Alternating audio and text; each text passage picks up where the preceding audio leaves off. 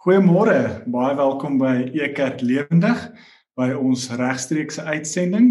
My naam is Pierre Engelbregt en dit is regtig vir 'n baie groot eer en voorreg om vanoggend saam te wees met julle. Al is ons nie fisies bymekaar nie, maar waar ons vanoggend tyd op sy sit om rustig te raak, by die voete van die Here te sit en te hoor wat sy woord vir ons wil sê vandag.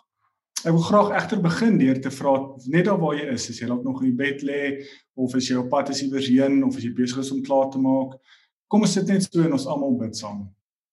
Here, dankie vir die absolute eer en voorreg wat ons het om by mekaar te kom. Here, al is ons nie fisies by mekaar nie, weet ons ons is by mekaar want u Gees is by ons. Here, dankie vir die eer en voorreg wat ons het om deur die digitale era om deur tegnologie by mekaar te kan wees al is ons nie fisies by mekaar nie, al is ons by 'n oor afstand by mekaar. Maar Here, waar ons vanoggend stil staan en net ons gees ook 'n rustigheid gee om by u voete te kom sit, Heer, en te kom hoor wat u woord vir ons wil sê, om te hoor wat u woord vir ons wil sê oor hoe ons ons lewe moet lewe. Here, help ons ook asseblief om hierdie woord op ons harte te skryf. Laat ons dit nie net by die een oor in by die ander oor uit nie, Here, maar laat ons regtig waar die woord deel maak van ons lewe en ook so deel maak van ons lewenstyl. Ons vra dit in u groot en heilige naam alleen. Amen.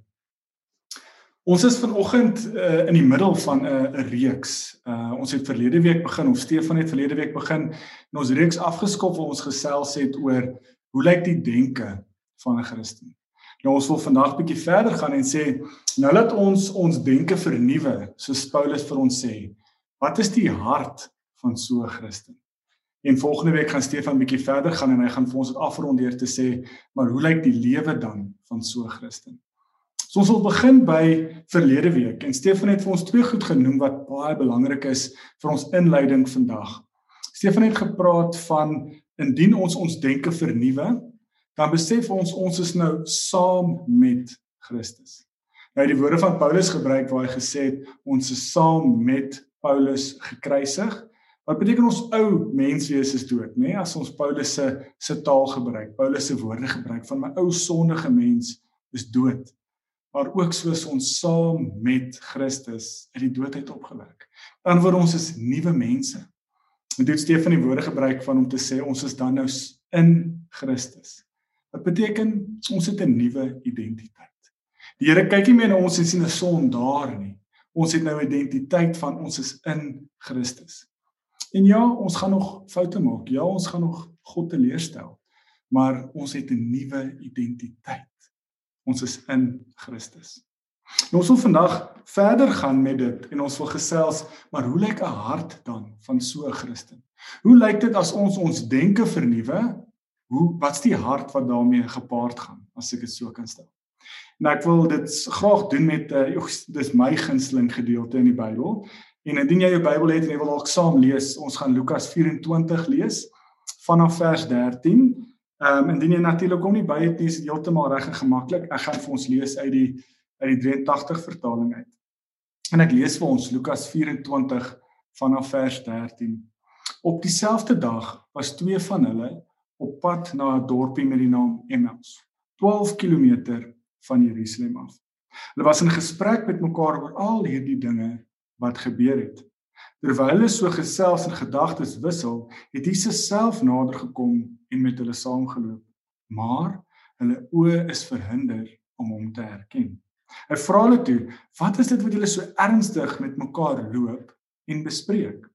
Met somber gesigte gaan hulle staan en een van hulle met naam Kleopas antwoord hom: "Is u dan die enigste vreemdeling in Jerusalem dat u nie weet van die dinge wat in die afgelope dae daar gebeur het nie. Hy vra vir hulle watter dinge. Hulle antwoord hom die dinge in verband met Jesus van Nasaret. 'n Profeet was wat magtig was in woord en daad voor God en die hele volk. En ons priesterhoofde en die lede van ons raad hom oorgelewer het om ter dood veroordeel te word en hom gekruisig het. Ons het so gehoop dat dit hy is wat Israel sou verlos. Maar boonop is dit vandag al die derde dag vandat die dinge gebeur het. En nou het 'n paar vroue uit ons kring ons ook nog verder ontstel. Hulle was vanmôre vroeg by die graf en kon sy liggaam nie kry nie. Hulle het hom vertel dat hulle 'n verskyning gesien het van engele wat gesê het hy lewe. Sommige van ons mense het ook na die graf toe gegaan, het net so gekry soos die vrou gesê het, maar hom het hulle nie gesien nie. Ons gaan nou 'n bietjie verder lees, maar ek wil graag die die verhaal wat ons nou gelees het in konteks plaas of dalk bietjie verder inkleur. En ons moet onthou hierdie gebeur op opstanningssondag. Nee, dit is die die belangrikste dag in die geskiedenis in ons geloofslewe in ons as Christene se wêreld. En net voor dit in hoofstuk 24 vanaf vers 1 lees ons van die dames wat graf toe gaan waarvan Kleopas en sy vrou ook ons van vertel en wat sê hoe hulle by die graf uitgekom het en die graf is leeg. En die engel verskyn aan hulle sê maar hoekom soek julle vir vir die Here hier? Hy hy het opgestaan. Nou ons moet onthou as ons vra maar wie is hierdie Kleopas? Ek praat van Kleopas en sy vrou. Hulle loop weg van Jerusalem af. So hulle loop weg van Jerusalem af daar waar Jesus gekruisig is, die kruisgebeure, die opstanding.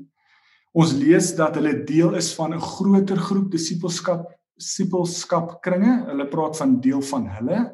So natuurlik is nie deel van die die 12 disippels nie of is dit nou op hierdie stadium die 11?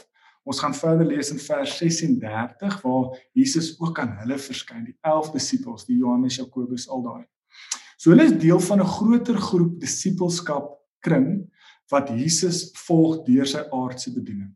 So hulle het gesien hoe Jesus hierdie magtige profeet is in woord en daad. Hulle het gesien hoe Jesus wonderwerke doen, hoe hy profetiese redes gee. So ons moet onsself afvra, hoekom loop hulle weg van Jerusalem af? Weg van die disippels af terug na die huis toe. En ek sal sover gaan om te sê dat hulle heeltemal moedeloos is. Hulle is hopeloos. Ek wil sover gaan om te sê hulle het hulle geloof verloor. Hoekom sê ek dit? Want ons hoor hulle denke wat hulle gehad het. Nou kom ons gebruik die woorde wat Stefan vir ons lede week gesê het van hulle het nog nie hulle denke opgradeer nie.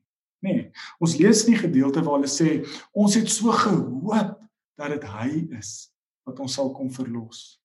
Hulle vertel die die fisiese goed wat gebeur het dat Jesus oorgelewer is, hy's gekruisig, hy's begrawe. Maar van daar af kan hulle menslike denke, hulle kom ons gebruik die woord onopgegradeerde denkstelsel dit nie begryp nie. En hulle het hulle hoop verloor, hulle het hulle moed verloor. Hulle loop weg van Jerusalem af as 'n teken van ons ons kan dit nie meer glo nie, ons kan dit nie verstaan nie. So kom ons loop terug na 'n veilige verlede toe, na ons huis toe. Daar waar dit waar ons weet wat gaan gebeur, daar wat ons kan beplan wat gaan gebeur. Nou dit is wat ek vandag vir jou op die tafel wil sit is waar loop jy dalk weg van die Here af? Dalk is jou onopgegradeerde denke het die Here so met respek in 'n hoek ingeverf dat hy nie meer kan opdaag nie. Hy kan nie meer arriveer nie want jou verwagting is X en Y, maar God daag nie op soos wat jy verwag nie. Wanneer is dit met Emmaus en sy vrou ag Kleopas en sy vrou gebeur wat op pad is Emmaus toe? Hulle het hulle verwysingsraamwerk gehad. Hulle het hulle denke gehad en sê, "Hoe gaan God ons verlos deur 'n Messias te stuur?" En ja, Ons het 'n baie geleerdere of baie mense wat vir ons skryf en sê in Jesus se tyd was daar 'n groot verwagting van Messias. Maar ons kan dit maar net aanneem dat hulle 10 teen 1 gewag dat dit 'n ehm, kom ons praat nou van 'n politieke of militêre verlossing gaan wees.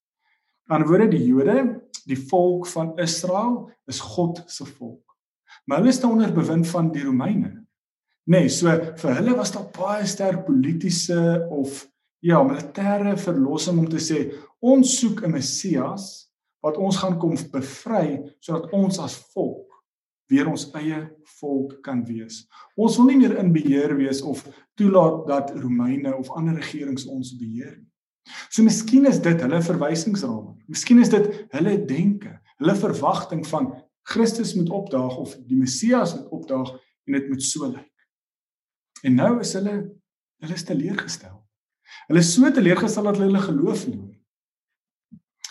Was jy dalk al so moedeloos? Het jy dalk al so gebid dat die Here moet opdaag of verwag dat die Here moet ingryp dat hy nie doen nie volgens jou manier van verwagting, volgens jou verwagting?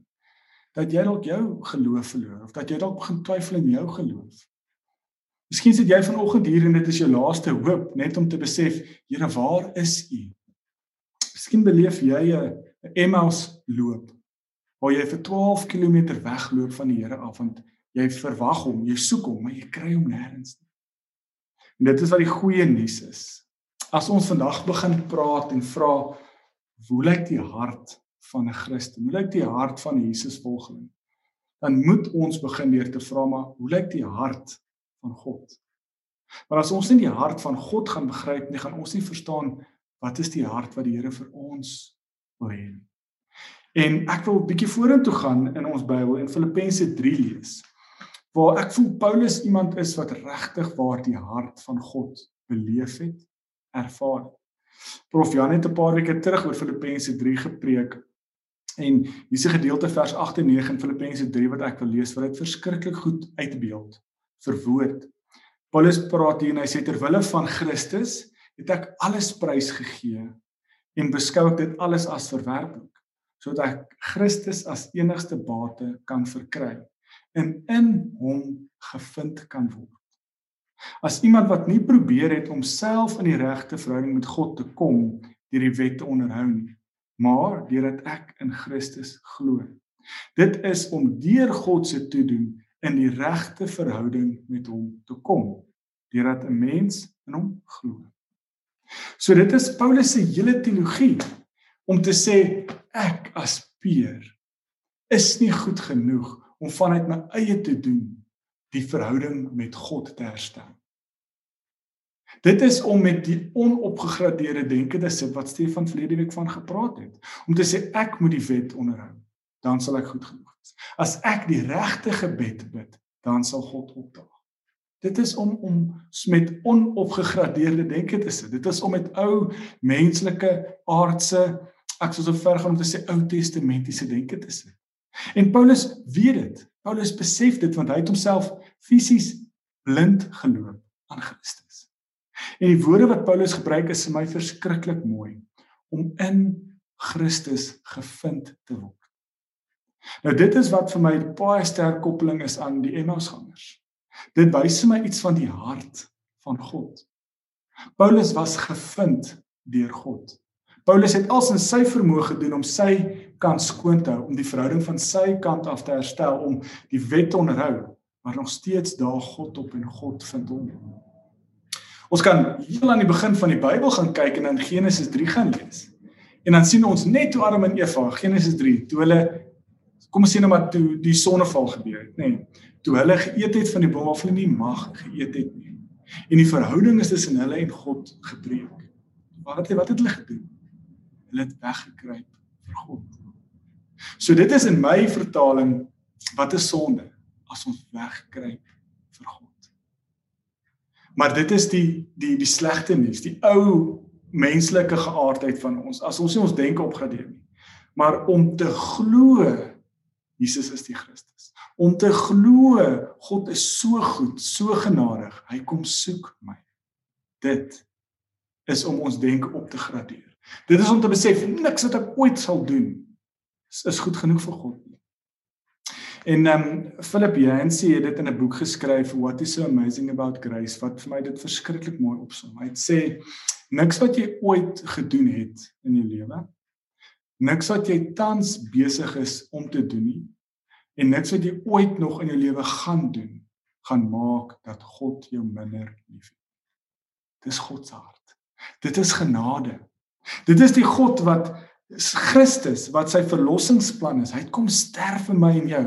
Wat doen Jesus op sy grootste dag? Die hemele moet oopgesip word. Dit moet 'n feesmaal wees want die Here het uit die dood uit opgestaan. Wat doen Jesus? Hy loop weg van sy eie partytjie af. En hy loop saam met Kleopas en sy vrou, twee onbekende mense in die Bybel, want hy wil nie hê hulle moet verlore gaan. Jesus wil nie hê hulle moet hopeloos wees nie. Jesus wil nie hulle wil moet sonder insig wees nie. Dit is die hart van God. Die die vader in die gelykenis van die verlore seun wat sy seun wat hom afskryf en sê pa jy is dood vir my. Ek soek my erfporsie. As hy op die ou ene terugkom dan hardloop die pa die vader na die seun toe. Dis God wat in ons lewe na ons toe hardloop. En ons is die een wat wegkruip. Waar is dit waar jy wegkruip in jou lewe? vir God. Wegkruipertjie speel met God. Is dit omdat jy jouself in die spieël sien en sê ek is so groot sondaar, wie kan my ooit lief hê?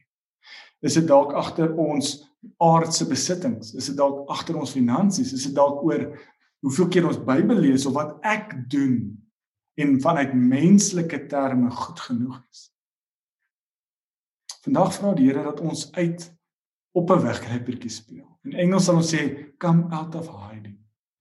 Want God kyk nie na ons en sien 'n sondaar nie. Hy kyk na ons en sien sy seun wat aan die kruis gehang vir my en jou. Dit is genade. Dit is liefde, dis die hart van God. En ons lees dit verder as ons verder lees Lukas 24 terug by ons gedeelte vanaf vers 25. Ons het nou gelees hoe Kleopas en sy vrou eintlik maar hulle geloof verloor het. Hulle het hulle menslike denkpatroon op die tafel gesit om te sê dis wat ons verwag het. God het nie volgens dit opgedaag nie. So God het ons teleurgestel. Ons loop weg van God af. Ons loop weg van die Here af. Ons loop terug na 'n veilige verlede toe.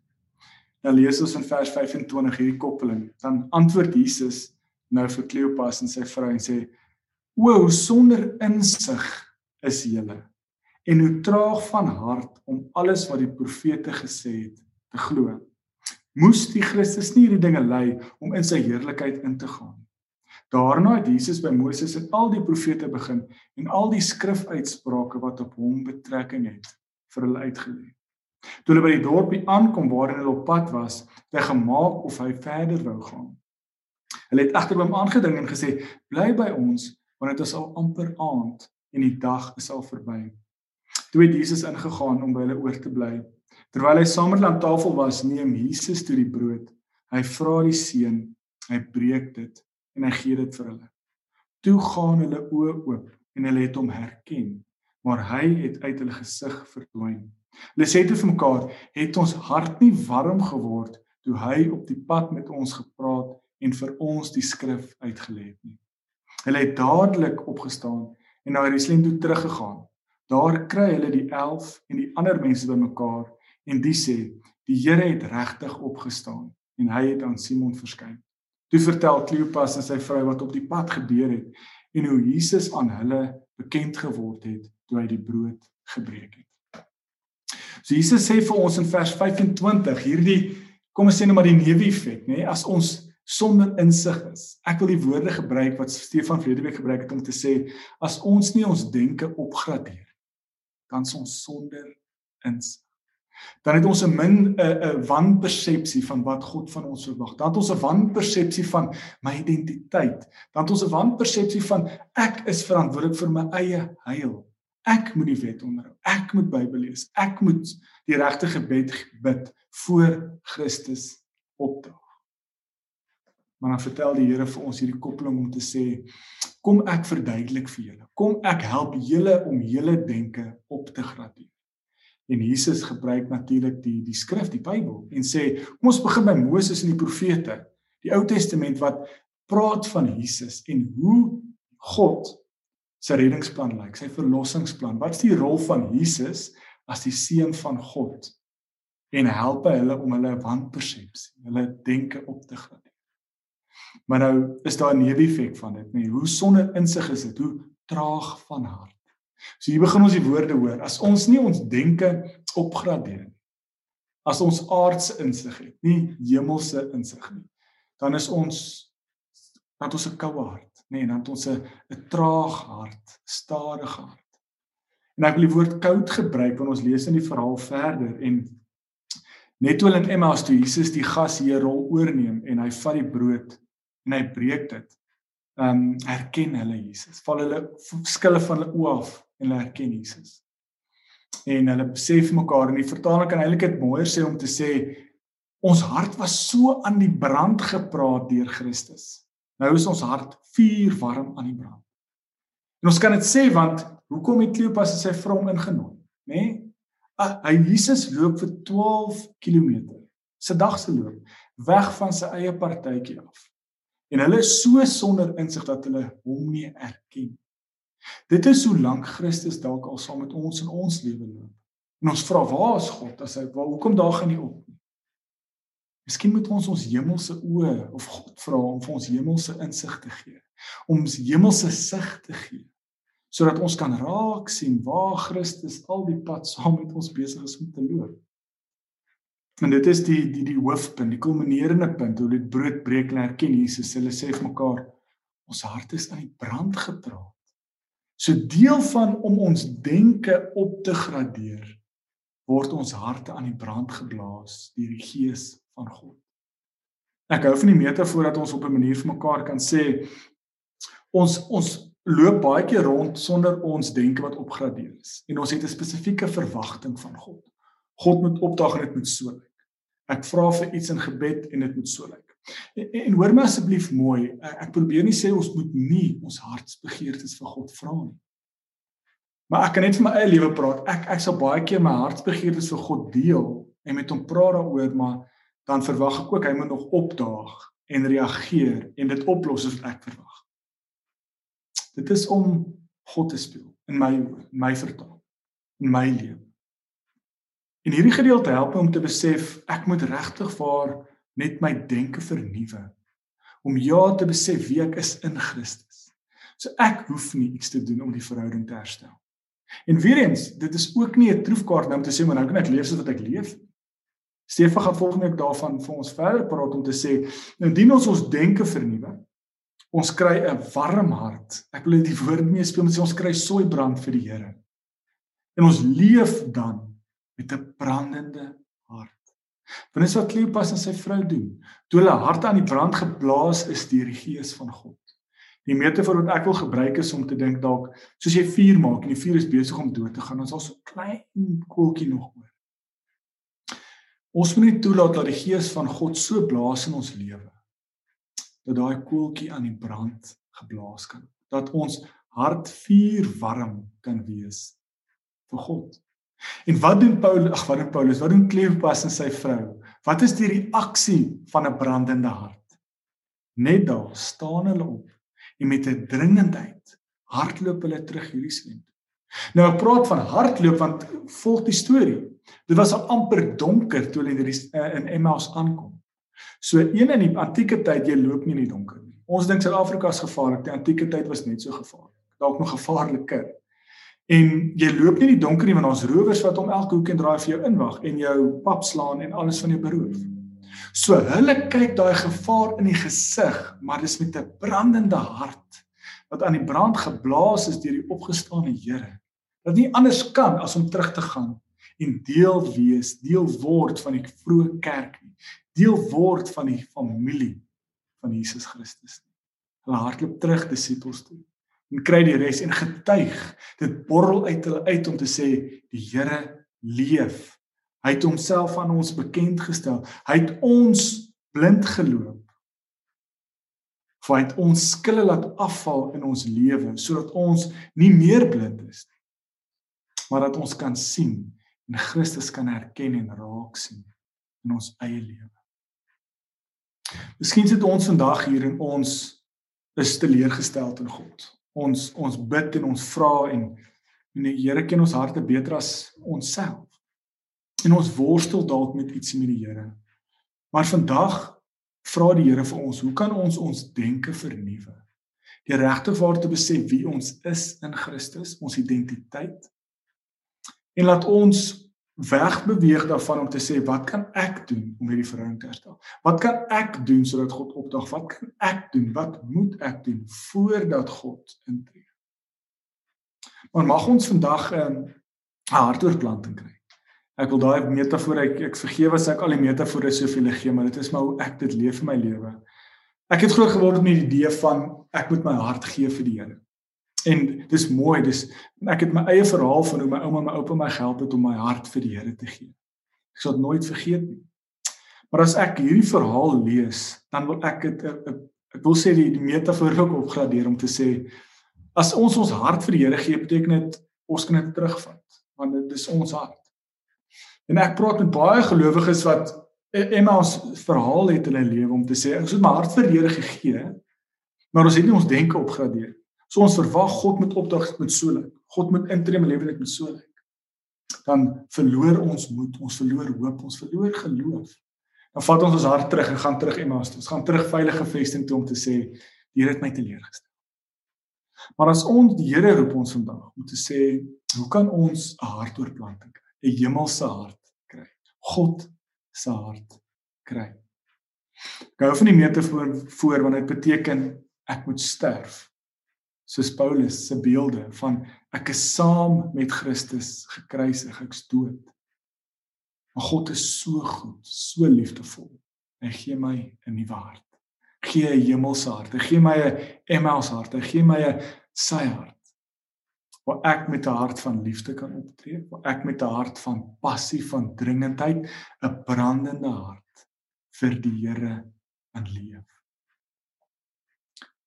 Mag ons raak sien hoe Christus saam met ons die lewe doen. Want ek beloof jou, indien jy saam met Paulus kan bely, Die grootste vreugde in die lewe is om gevind te word in Christus. En deur te besef, deur te glo, deur te weet God het hierdie verhouding kom herstel. Nie ek of jy nie, God. Om te besef in plaas van die spieël kyk na sondaar te sien om te sien maar as ek goed genoeg is vir God, dan moet ek ook goed genoeg wees om te begin leef vir God. Mag ons vandag nie net ons denke opgradeer nie, maar ook 'n hemelse hartoorplanting kry waar ons harte begin klop soos die ritme wat God leef. Mag ons harte begin treur en hartseer wees soos God se hart hartseer is oor die broer gebroke wêreld. Mag ons ook met daai brandende harte lewe leef agter Christus aan om raak te sien waar is God oral betrokke en besig in die wêreld om ons. Kom ons bid saam. Here, dankie vir die absolute voorreg wat ons het om u woord te kan lees maar hier ook te weet u as die outeur van hierdie woord is by ons. U is deel van ons lewe. En Here ek moet my eie sonde bely deur baie keer te sê ek ek sien nie, nie raak in my lewe nie. Ek ek soek en ek soek maar ek kry nie. Meer help ons dat ons vandag kan besef ons moet net met hemelse oë. Sodra ons ons denke begin opgradeer, begin ons dalk met beter hemelse sig sien. Mag ons raak sien, mag u Gees ook ons laat raak sien waar u oral alreeds betrokke is en deel is van ons lewe en ons leefstyl. Heer, mag ons ophou wegloop van u af. Mag ons ophou wegkruip vir u. Wanneer ons kyk met menslike oë, met menslike geaardheid, menslike maatstaf na ons lewe en sê ons is nie goed genoeg nie. Maar Here, u is so goed, u is so liefdevol. U het u seun gestuur om vir ons te kom intree. En Heer, dankie daarvoor. Ons verdien dit nie, maar tog is ons goed genoeg vir U. Help ons dat ons nie net dit goedkoop maak, U genade goedkoop maak nie, maar laat ons dit ook begin leef. Laat ons in hierdie verhouding begin werk en groei en meer en meer raak sien waar U betrokke is in ons lewe sodat ons ook 'n lewenstyl kan leef agter U aan. Heer, ons vra dit nie enigstens omdat ons dit verdien nie, maar dit is alleen uit U seun ons verlosser se naam die Here Jesus Christus. Amen.